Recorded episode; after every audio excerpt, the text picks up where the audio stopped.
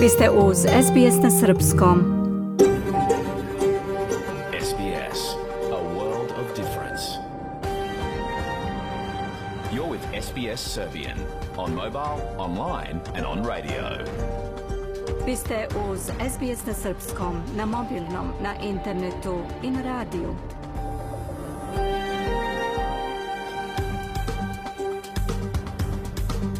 SBS odaje priznanje tradicionalnim vlasnicima zemlje za koje danas emitujemo program na srpskom jeziku.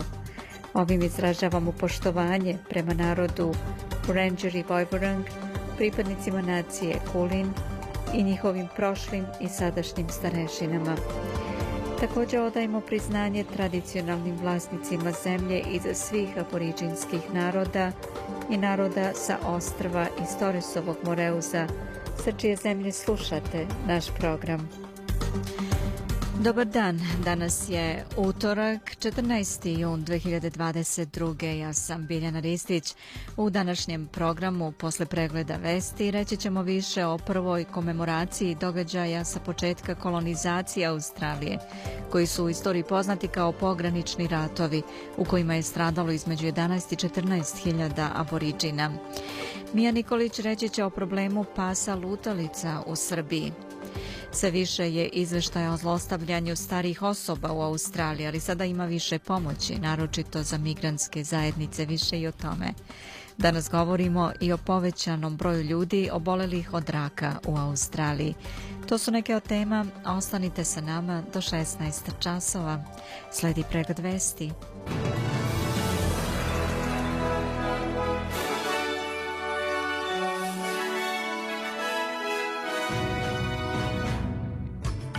Odnose Kine i Australije na novoj raskrsnici, kaže kineski ambasador u Kamberi.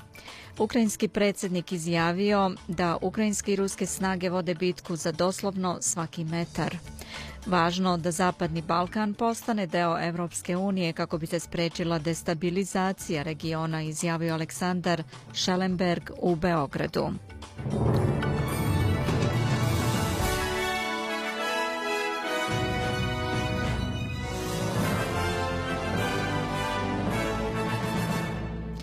Danas blok vesti iz Australije pripremila je Nataša Kampmark. Kineski ambasador u Australiji, Xio Qian, kaže da se odnosi između dve zemlje nalaze na novoj raskrsnici, nakon nedavnih ministarskih razgovora. Komentari kineskog ambasadora usledili su nakon sastanka ministra odbrane Richarda Marlsa i njegovog kineskog pandana generala Veja Fengeja u Singapuru. Odnos je bio zamrznut nakon što je Australija zatražila istragu o poreklu COVID-19, čime je izazvala nekoliko sporova sa svojim najvećim trgovinskim partnerom. Tenzije su porasle u proteklih nekoliko meseci nakon kineskog potpisivanja bezbedonosnog sporazuma sa Solomonovim ostrvima i nastojanja da isti sporazum potpiše sa drugim pacifičkim zemljama – Ali sada je Kina odlučna da radi zajedno sa Australijom, kaže gospodin Xio, i dodaje da se Kina nada daljim razgovorima sa Australijom po pitanju održivog razvoja i saradnje u regionu. Održana je komemoracija za autohtone australijance ubijene u masakrima u periodu od 1788. do 1928. godine, poznatim pod nazivom Pogranični ratovi. Istraživači sa Univerziteta Newcastle otkrili su da je nastradalo između 11 i 14 hiljada aboriđina, pri čemu su gotovo polovinu ubili pripadnici policije ili nekih drugih državnih snaga. Procenjuje se da je poginulo između 27 i 33 puta više aboriđina nego kolonizatora. Starešina naroda Julijaj i aktivista Gilar Michael Anderson – Na, kem, na komemoraciji je rekao da šira javnost i dalje nije upoznata sa onim šta se dogodilo. One of the main impacts that we suffered from our old people Najviše su nas pogodile posljedice takozvanog principa spržene um, zemlje, a on se odnosi na to što kolonizatori nisu mogli da porobe aboriđinski narod. um, i zato su odlučili da kažu nisu ni za šta, nisu dobri radnici, teško ih je ukrotiti, tako su govorili, stoje nam na putu. Brisbanski advokat i pripadnik naroda Varamunga, Lincoln Crowley, položio je zakletvu kao sudija Vrhovnog suda u Queenslandu. Sudija Crowley prva je osoba autohtonog porekla koja je ikada postavljena u Vrhovni sud u Australiji. U svom govoru osvrnuo se na rasizam koji je doživeo na početku života i karijere. On kaže da je raznolikost važna i da na svim nivoima političkog i pravosudnog života treba da ima više pripadnika autohtonih naroda. Gospodin Crowley kaže da je ovo izuzetan uspeh. I'm extremely proud and humbled today to be the first indigenous person to be appointed as a judge of this court. Veoma sam ponosan i počestvovan danas što sam prva osoba autohtonog porekla koja je postavljena na mesto sudije u ovom sudu. Ovo je izuzetna prilika iz mnogo razloga. Izuzetna je za mene jer sam prvi, ali i za našu zajednicu jer je trebalo toliko dugo vremena da se ovo ostvari. Premijer Novog Južnog Velsa Dominik Perotej kaže da želi da ukine porez na kupovinu imovine, ali mu za to treba podrška Savezne vlade. Gospodin Perotej želi da ukine jednokratni porez državi i zameni ga godišnjim porezom na zemljište. On je porez na kupovinu imovine nazvao najgorim porezom koji neka vlada može da ima. Gospodin Perotej kaže da će se više znati kad se sljedeće nedelje, utorak 21. juna, preda budžet Novog Južnog Velsa. What you'll see in the upcoming budget, there's a lot more to come, um, uh, Vidjet ćete da se puno toga najavljuje u predstojećem budžetu, uključujući i pristupačnost stambenog prostora, gde porez na kupovinu imovine predstavlja najveću prepreku, naročito za mlade ljude koji dobijaju ključeve od svog prvog doma. Laburistički port parol državne blagajne Novog Južnog Velsa Daniel Moki kaže da će se porodice naći u još gorem položaju ako se sprovede predloženi plan za porez na zemljište. Savezni ministar energetike Chris Bowen kaže da nadležni pomno prate energetsku situaciju nakon upozorenja o mogućim nestancima struje. U Queenslandu su u ponedeljak izbegnuti nestanci struje jer je operator upotrebio generatore da ubaci dodatnu energiju u sistem ali australijski operator energetskog tržišta, AEMO, upozorava da bi tokom utorka moglo doći do prekida u snabdevanju na jugoistočnoj i istočnoj obali Australije zbog predviđenog nedostatka energije. Gospodin Bowen je za Seven Network rekao da se preduzimaju koraci kako bi se moguće posljedice svele na najmanju meru.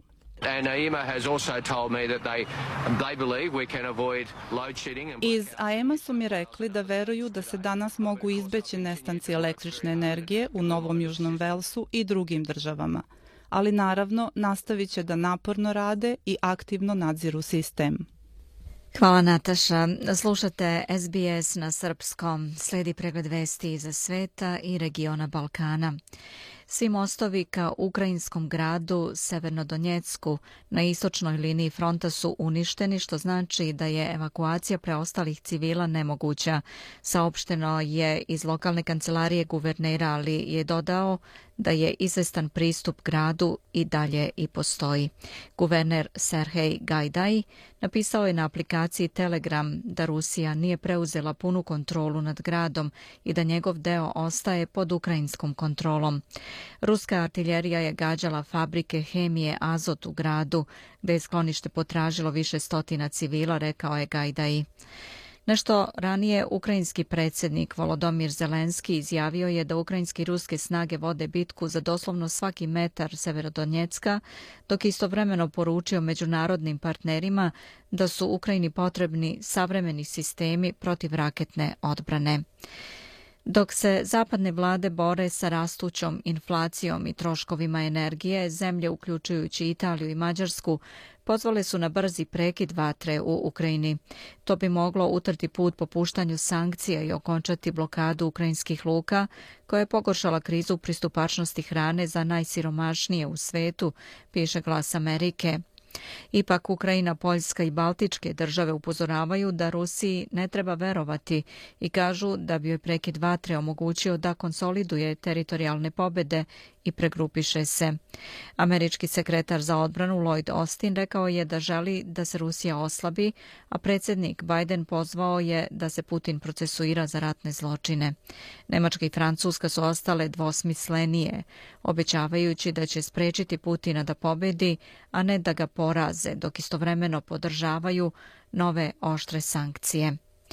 Britanska ministarka spoljnih poslova Liz Truss i američki državni sekretar Anthony Blinken složili su se da Rusija mora da deblokira izvor žitarica iz Ukrajine i oslobodi zarobljenike kojima se sudi.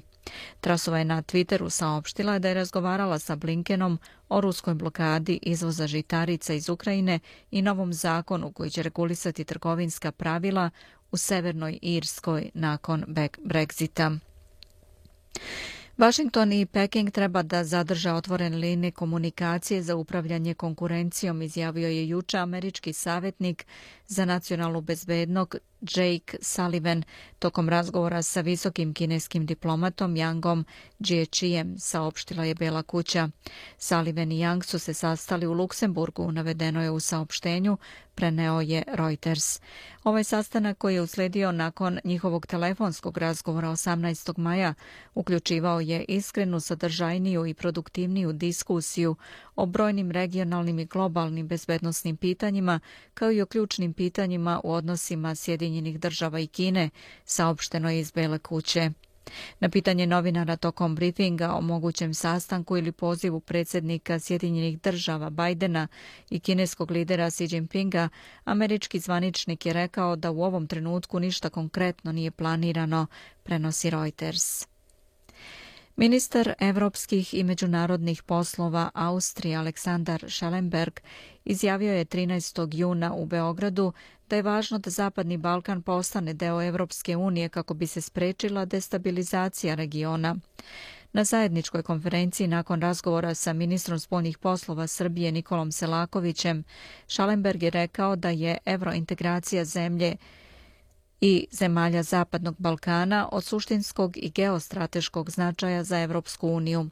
Schallenberg je dodao da je predlog Austrije da Evropska unija počne da se odnosi korak po korak prema državama Zapadnog Balkana kao prema zemljama članicama.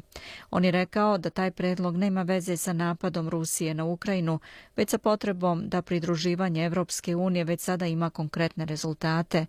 Šef austrijske diplomatije je ocenio da je proces pridruživanja Europskoj uniji i suviše birokratski.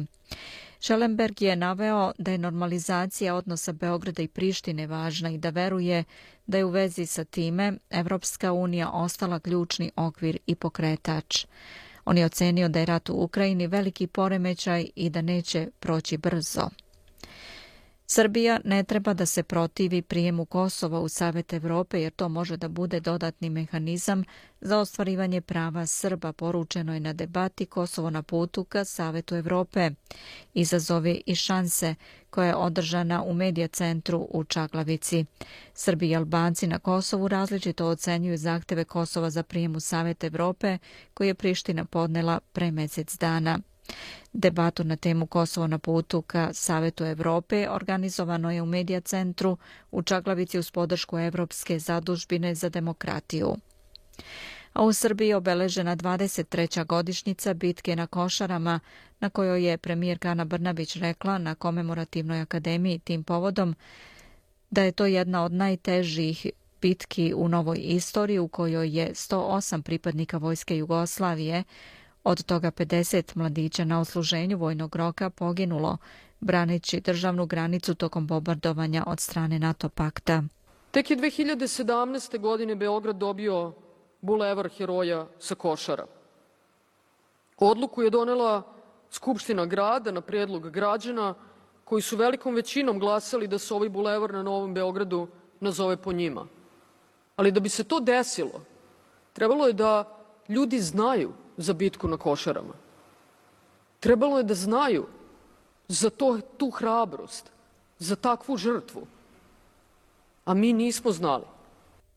Uoč obeležavanja 23. godišnjice bitke na Košarama, državni sekretar u Ministarstvu odbrane Aleksandar Živković primio je predstavnike udruženja koja baštine tradicije jedinica koje su učestvovali u ovoj bici 1999. braneći granice zemlje, a koja predstavlja simbol suprostavljanja agresiji u oružanoj pobedi, saopšteno je iz Ministarstva odbrane.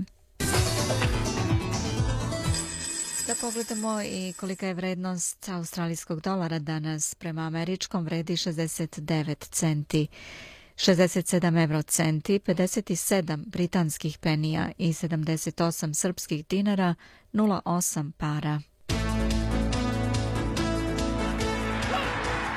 Iz sporta, futbolska reprezentacija Australije plasirala se na mundijalu u Kataru, pošto je u finalu interkontinentalnog baraža savladala Peru 0-0, 5-4 penalima, a pobednički go za Australiju postigao je Andrew Redmayne. Poslednji učesnik mundijala biće poznat danas kada se u baražu sastaju Kostarika i Novi Zeland. Reprezentacija Hrvatske pobedila je kao gost Francusku u susredu četvrtog kola grupe 1 Lige nacija sa 1-0, a pogodak je postigao Luka Modrić iz penala u petom minutu. U drugom susretu grupe 1 Danska je u Kopenhagenu pobedila Austriju 2-0 i nalazi se na prvom mestu sa 9 bodova. Hrvatska je druga sa 7, Austrija ima 4, a Francuska je posljednja sa 2 boda. AFL, trener tima Western Bulldogs, Luke Beveridge, kaže da bi AFL trebalo da ukine svoju politiku kažnjavanja zbog upotrebe droga. Trenutno igrači koji su testirani pozitivno na upotrebu droga dobijaju tri kaznena poena. Politika EFL-a prema upotrebi droga je drugačija od antidoping koda koji se fokusira na uticaj droga na bolju igru.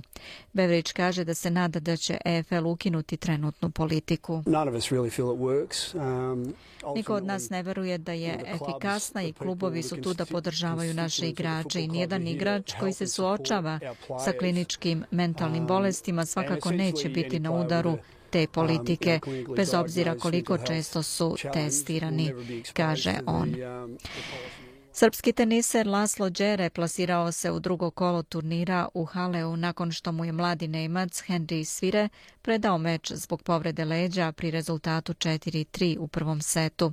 Đere, trenutno 62. igrač sveta u narednoj rundi, igraće protiv pobednika ruskog duela Arslan Karacev i Karen Hačanov. I na kraju ovog bloka i vremenska prognoza. U Pertu pljuskovi 19 stepeni, pljuskovi i u Adelaidu sa 17 stepeni. Melbourne trenutno sunčano vreme, ali su mogući pljuskovi 13. U Hobartu mestimično oblačno sa 12 stepeni, slično u Gamberi sa 11. U Sidneju pretežno sunčano vreme 17 stepeni.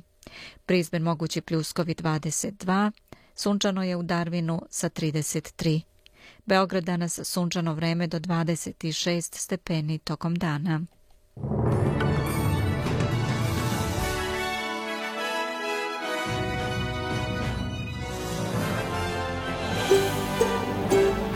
Želite da čujete još priča poput ove? Slušajte nas na Apple Podcast, Google Podcast, Spotify ili odakle god slušate podcast.